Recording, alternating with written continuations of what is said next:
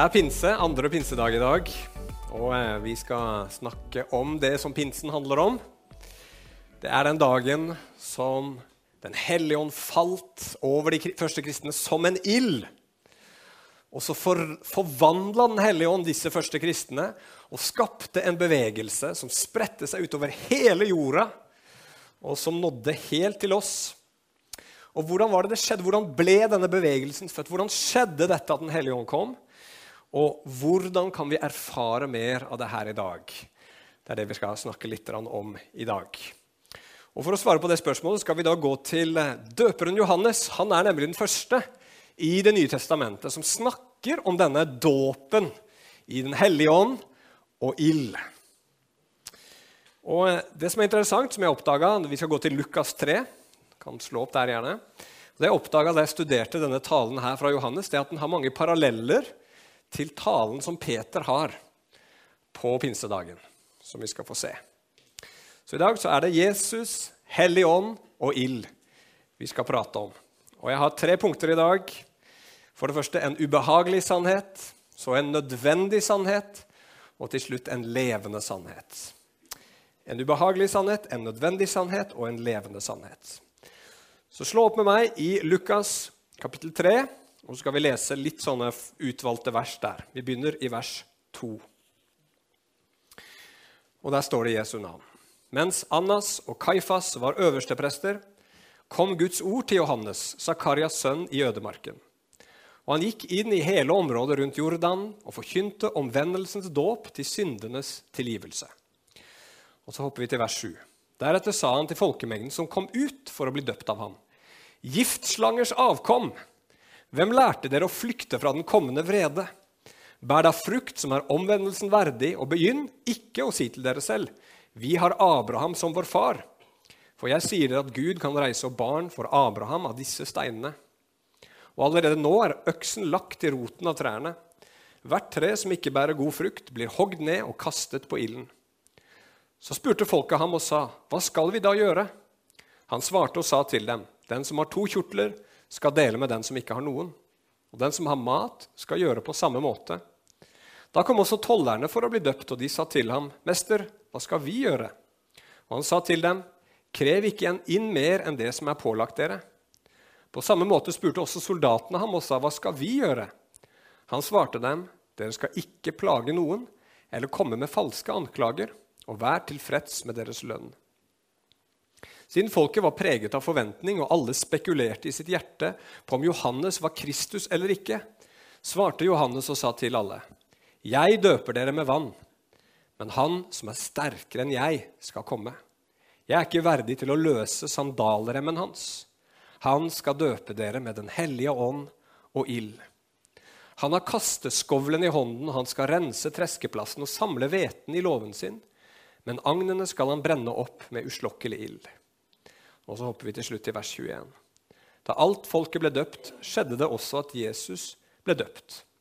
Og mens han ba, ble himmelen åpnet, og Den hellige ånd kom ned over ham i legemlig skikkelse som en due. Og det lød en røst fra himmelen som sa, Du er min sønn, den elskede. I deg har jeg velbehag. Kjære himmelske Far, vi bare takker deg fordi at, fordi at du er her nå med din ånd. Herre, ånden har blitt sendt.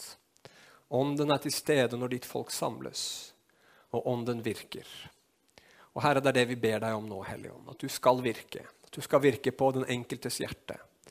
At du skal virke gjennom meg i det som jeg har forberedt meg på, som jeg vil formidle. Så be om at jeg skal si det som du vil jeg skal si, Gud. Og har jeg planlagt noe som ikke skulle fram, så, så hindre meg å si det, Gud. Og har, jeg, har du planlagt noe som ikke jeg har planlagt, Herre, så led meg til det. Herre, vi ber bare Hellige Ånd om at du skal få fritt spillerom her i dag og gjøre ditt gode verk iblant oss. Ditt eh, mektige, li, liv, livgivende og, og levendegjørende verk. I Jesu navn vi ber. Amen. Så Da begynner vi med den ubehagelige sannheten først. først. Det er godt å få de dårlige nyhetene først. Så skal vi få de gode etterpå. Ingen kan vel beskylde døperen Johannes for å være en predikant som søkte å bli populær. Han forkynte ganske radikalt om omvendelse, om dåp, om tilgivelse. Og når folk begynte å komme ut, liksom det begynte å bli en skikkelig god mengde der, med folk som kom, så sa han ikke 'Å, så koselig å se at så mange har kommet til dagens møte'. Nei, han sa 'slangebarn' istedenfor. Så sånn skal vi begynne med å introdusere møtene her framover nå. For å være bibelske. Han sier, 'Dere tror at dere kan komme her og få litt vann på kroppen.' Og så skal dere slippe unna Guds dom og vrede. Nei, sier Johannes. Dåpen og omvendelsen har ingen betydning hvis livene deres ikke forandrer seg og bærer frukt. Det hjelper ikke å si vi er israelitter, vi er Abrahams barn. For Gud betyr det ingenting. Han kan gjøre disse steinene her til Abrahams barn hvis han vil. Hva dere kaller dere, har ingen betydning. Men det som betyr noe, hva dere virkelig er, blir åpenbart ved hva som kommer ut av livene deres, sier Johannes. Og så, For å virkelig prente budskapet inn i disse tilhørerne, så, sier han, så gir han dem et bilde.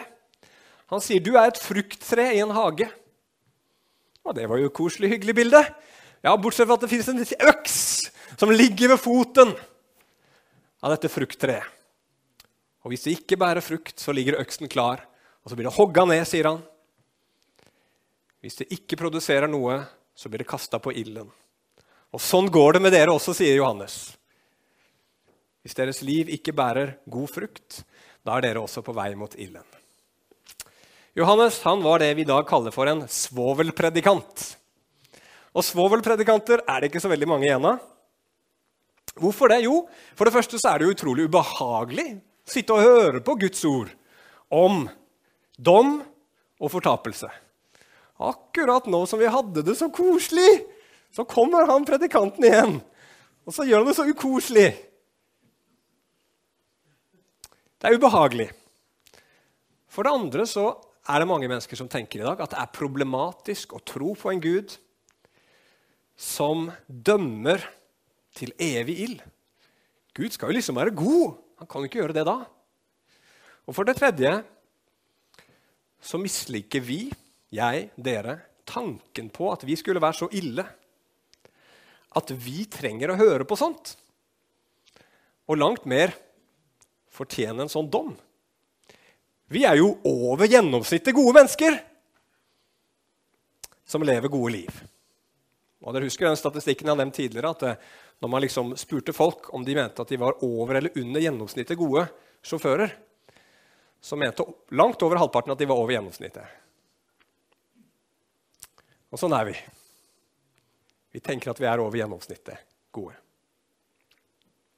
Men for Johannes var det ikke så veldig viktig hva folk følte.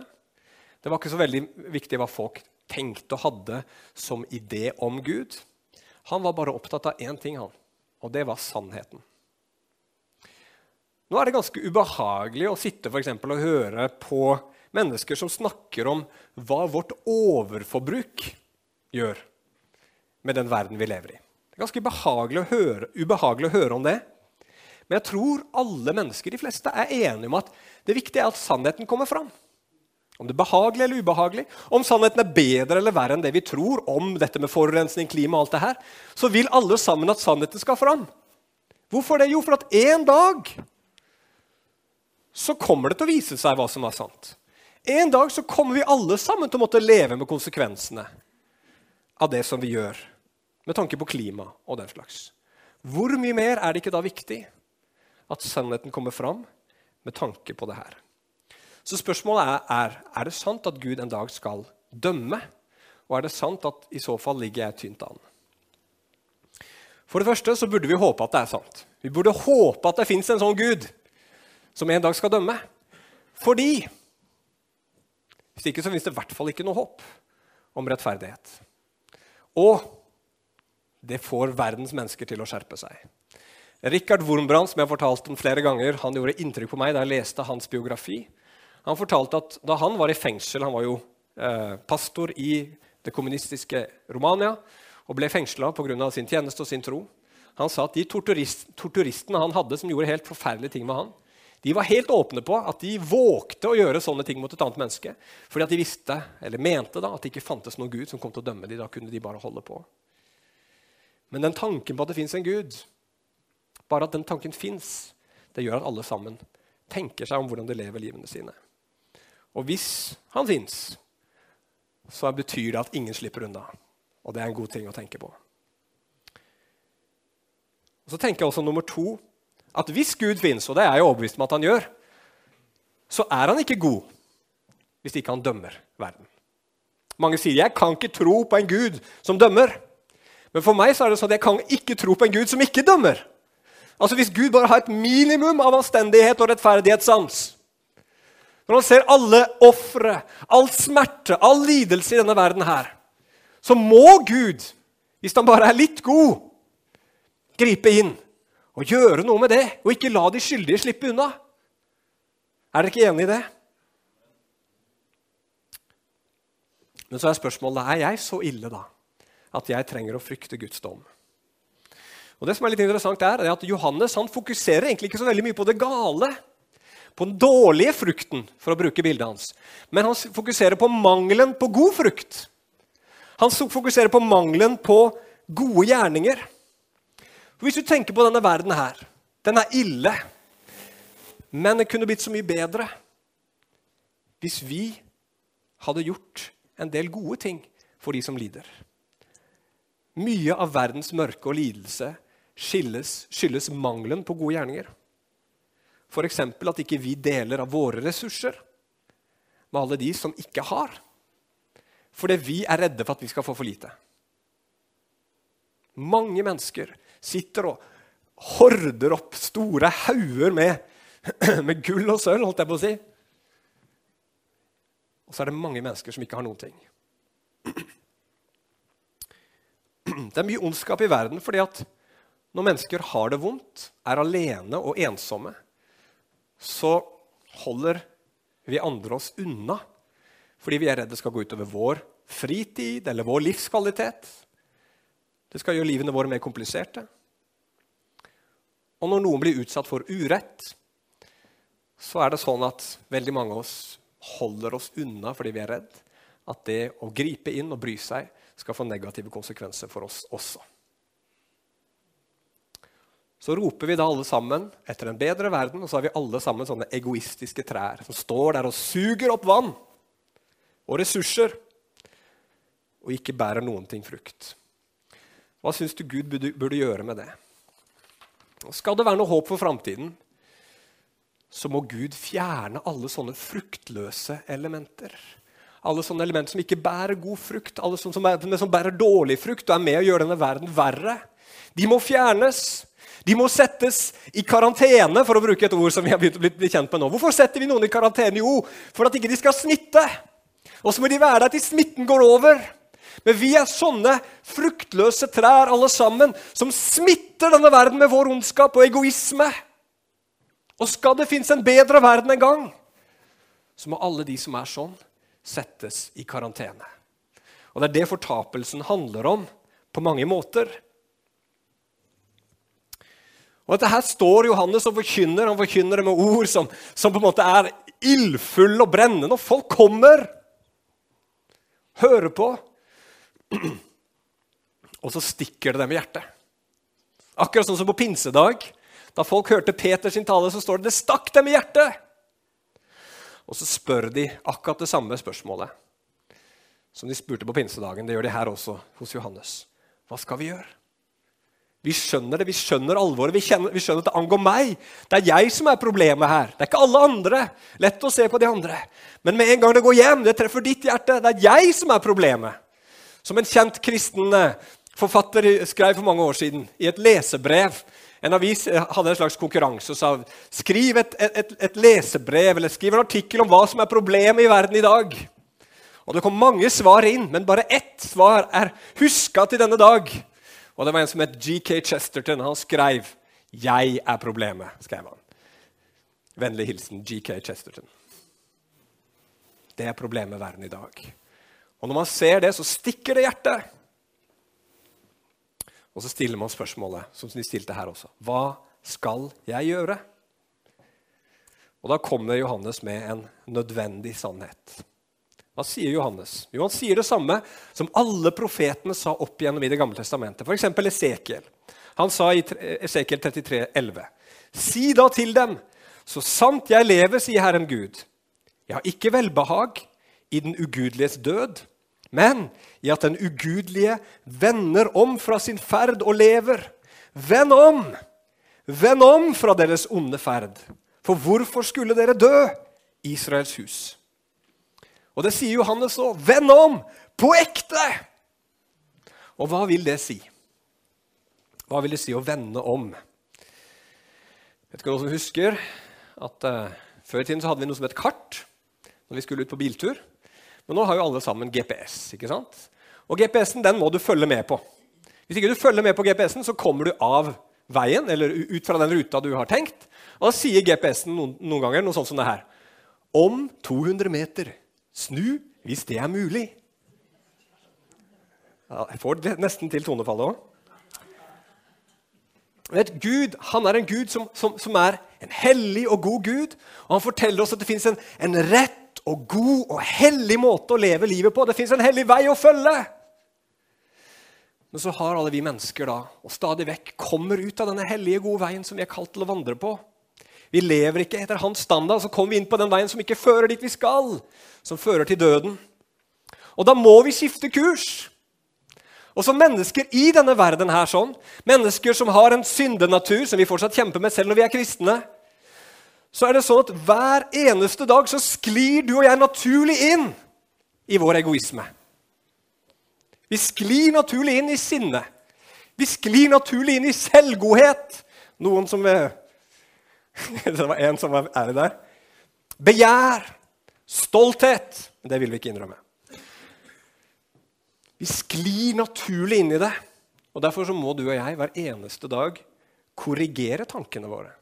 Korrigere holdningene våre, korrigere ordene våre, korrigere handlingene våre. Vi må leve i omvendelse. Og Johannes han sier her, han fokuserer på begjæret og egoismen. Han sier at skal du virkelig vende om, så må du gi til de som trenger det. Skal du virkelig vende om, så må du ikke utnytte din posisjon for å undertrykke og stjele fra andre, sånn som toller og soldater ofte gjorde. Men du må være fornøyd med det du har. Det fokuserer Johannes på her. Og Det er jo veldig interessant at de som faktisk kommer til Jesus, eh, til, unnskyld, til Johannes da, må jeg ikke blande De to, de som kommer til Johannes og, og spør hva skal vi gjøre, det var tollerne, det var soldatene. Det var de som var sett ned på, egentlig, og, og som, som hadde sånne jobber som, som folk tenkte ja, det der er, De er ikke gode jøder. Men fariseerne var der, de skriftlærde var der òg. Det vet vi fra Matteus sin versjon av denne episoden. De var der, de òg, men de kom ikke til Jesus. Men det var tollerne, det var soldatene. Så spør de hva skal vi gjøre. Hva skal vi gjøre, Jesus? Han sier ikke 'si opp jobben' til dem, men han sier 'lev som vitner for meg' midt i det dere gjør. Fariseerne de, de, følte ikke at de trengte denne renselsen. For det å gå til dåp for en jøde det var å innrømme at jeg er en hedning. For det var bare hedningene som måtte døpe seg. Når de skulle bli jøde, for noen av de konverterte til jødedom, da måtte de døpe seg. Så måtte de bli omskåret. Så for en jøde å gå i dåpen var, Jeg er ikke egentlig en ordentlig jøde. Jeg trenger å bli rensa akkurat som en hedning. Og det kunne ikke fariseerne. For de var de gode, de var de snille, de var de rettferdige. De trengte ikke noe sånt. Men alle som hadde skjønt det Jeg klarer ikke å leve dette livet sånn som jeg skal. De kommer til Johannes, og de blir døpt. Og Johannes han har skikkelig stor suksess. Dette her er det mange som får med seg. Mange kommer. Så de tenker wow, dette må være Messias. Altså, Dette her må jo være det som, som, Gud har tenkt. For når Hans rike endelig skal komme, og alt skal bli nytt Det er sikkert Johannes. Men det var ikke Johannes. Det var på ingen måte Johannes. Selv om det er mye bra å si om han. Men Johannes er tydelig på det selv. Nei, det er ikke meg! Langt derifra! Han som kommer, han er så mye større enn meg at jeg ikke er verdig til å liksom, åpne skolissene hans engang. Åpne sandalremmen.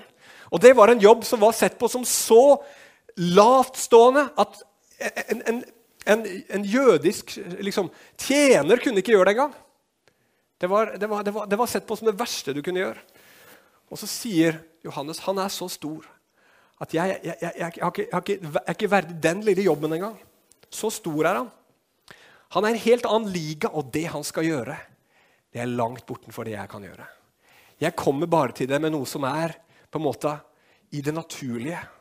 Men han kommer til dere med det som er det overnaturlige. Jeg døper dere med vann, sier han. Men han, han skal døpe dere med Den hellige ånd og ild. Så sier han det er han som kommer til å avgjøre alt sammen. Det er hva du gjør med han, som kommer til å avgjøre evigheten din. Evig liv eller evig ild. Med andre ord så sier Johannes at nå skal Gud gjøre noe nytt. Gud skal gjøre noe nytt som han aldri har gjort på denne måten tidligere. Og husk, vi, vi leser noen ganger fra, fra Jesaja hvor det står Gud sier, 'Se, jeg gjør noe nytt'. Men det var i Det gamle testamentet. Og det nye handler først og fremst om dette her som vi snakker om nå. For Johannes han var en profet som det var mange av i Det gamle testamentet. Og Det skjedde gang på gang på gang at profetene kom, folket vendte om, bestemte seg ok, nå skal vi skjerpe oss. Så ble det reform, og folk ville leve annerledes. Så gikk det en stund, og så ramla de tilbake igjen. De ramla tilbake igjen til synden. De ramla tilbake igjen i avgudene. De glemte Gud. Men nå kommer det, sier Johannes, noe helt annerledes som skal forandre alt og det er den levende sannheten. Og hva er det Jesus kommer med? Jo, Jesus kommer med dåpen i Den hellige ånd og ild. Han kommer med et liv i Den hellige ånd. For deg, for meg, for alle mennesker. Og det er det som er den radikale forskjellen som den nye pakt bringer, som er helt annerledes enn alt som tidligere har vært. Og hva er det? Hva er det Jesus bringer? Jo, for det første, i dåpen i Den hellige ånd så bringes det en personlig erfaring av Guds kjærlighet. En personlig erfaring av Guds kjærlighet. Vet du hva jeg tror er alle menneskers ønske? Det er å bli elska. Men jeg tror også alle mennesker har en veldig dyp frykt.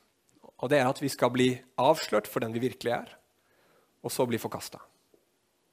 Altså at Folk ser hvem du virkelig er bak maska. Eh, det, det, den delen av deg som ingen kan se. Så ser de hvem du er, så sier de 'deg vil ikke jeg ha ting å gjøre med'. Det tror jeg er vår dypeste frykt, alle sammen.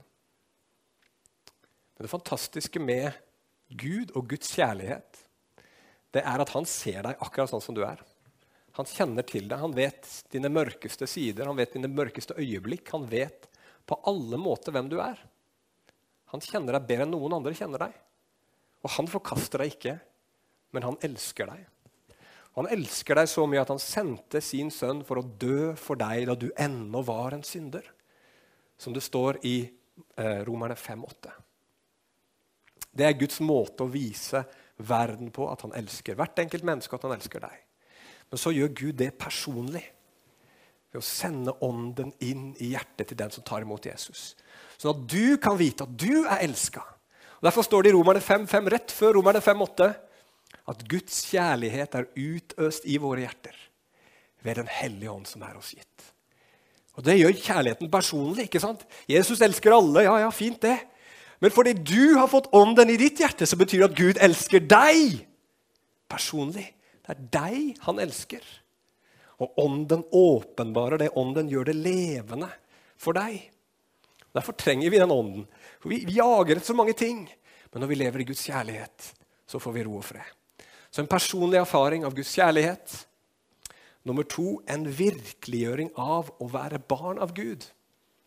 Litt etterpå denne talen her, så kommer Jesus og blir døpt. Og når, etter at Jesus har blitt døpt, står opp igjen fra, fra vannet der, så kommer det en stemme fra himmelen som sier til Jesus.: Du er min sønn, den elskede. I deg har jeg velbehag. Og Det fantastiske med evangeliet og det vi tror på, er at Jesus han, han tar vår plass. ikke sant? I dåpen er det nettopp det han viser. Alle menneskene gikk og døpte seg fordi de hadde synda.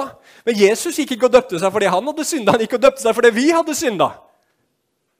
Han gikk og tok vår plass, tok vår synd. Og så blir alt det som er sant om Jesus, det blir sant om deg og meg som tror på han. Og hvis det er sant om, Gud, om Jesus, at Gud sier til ham 'Du er min sønn, du er mitt barn, den elskede', i deg har jeg velbehag, så blir det sant at Gud sier det om deg. Hvis du også tror på Jesus og skjuler deg i han. Og så er det så fantastisk når du leser både Romerbrevet og Galaterbrevet, at det står at denne ånden som har kommet inn på innsiden av oss, den roper 'Abba, far'. Og Abba det er ikke et ord som er eh, liksom gresk, som dette, disse brevene ble skrevet på. Det er et ord som er arameisk. Og man lurer på Hvorfor i all verden bruker Paulus det ordet Abba? Jo, Han bruker det ordet Abba fordi det var det ordet Jesus brukte da han ba til sin far i himmelen. For å si at den relasjonen som Jesus hadde til Faderen, den får du også i Den hellige ånd. Den får du og jeg i Den hellige ånd. Det gjør denne relasjonen til Gud virkelig. Og tenk for en uendelig trygghet det gir! Gud er din far!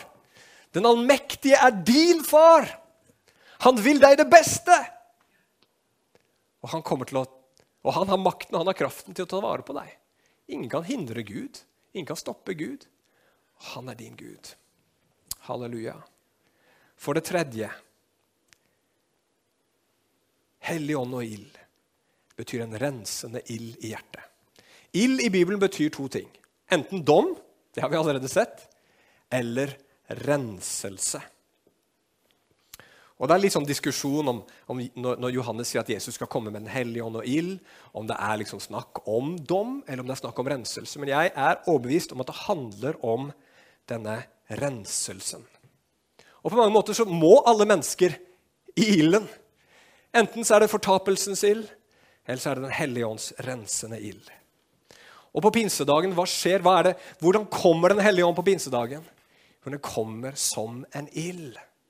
Og den forandrer og den forvandler disiplene. Det er det som er liksom det store miraklet på pinsedagen. At disse feige menneskene, synderne, svake som de er, blir forvandla til noen helter og noen kjemper. Som vi fortsatt snakker om og beundrer den dag i dag. Som er eh, eh, eksempel til etterfølgelse. Paulus sier til og med 'etterfølg meg som jeg etterfølger Kristus'. Hva var det som gjorde forskjell? Var det noe spesielt med dem? Jeg leste nettopp om John Wesley, den store predikanten og reformatoren i England. Og den tiden han levde på, var en tid av et ekstremt frafall. Det, det, det var så ille. Du kan ikke tro når du leser om hvor ille det var i England på den tiden, av både umoral og fattigdom og alt. Det var helt grusomt. Og så reiser Gud opp John Wesley, broren hans Charles Wesley, George Whitfield var en annen predikant som het. De, de, de, møter Jesus, og de blir fylt med en kraft som gjør at de, de levde liv. Du, du aner ikke hvor, hvor, ekstremt det var. Jeg tror han talte eh, nå husker jeg kanskje ikke riktig han John Wesley, men jeg tror det var over 100 000 prekener han hadde. Det var bare helt ekstremt. De levde så hengitte liv.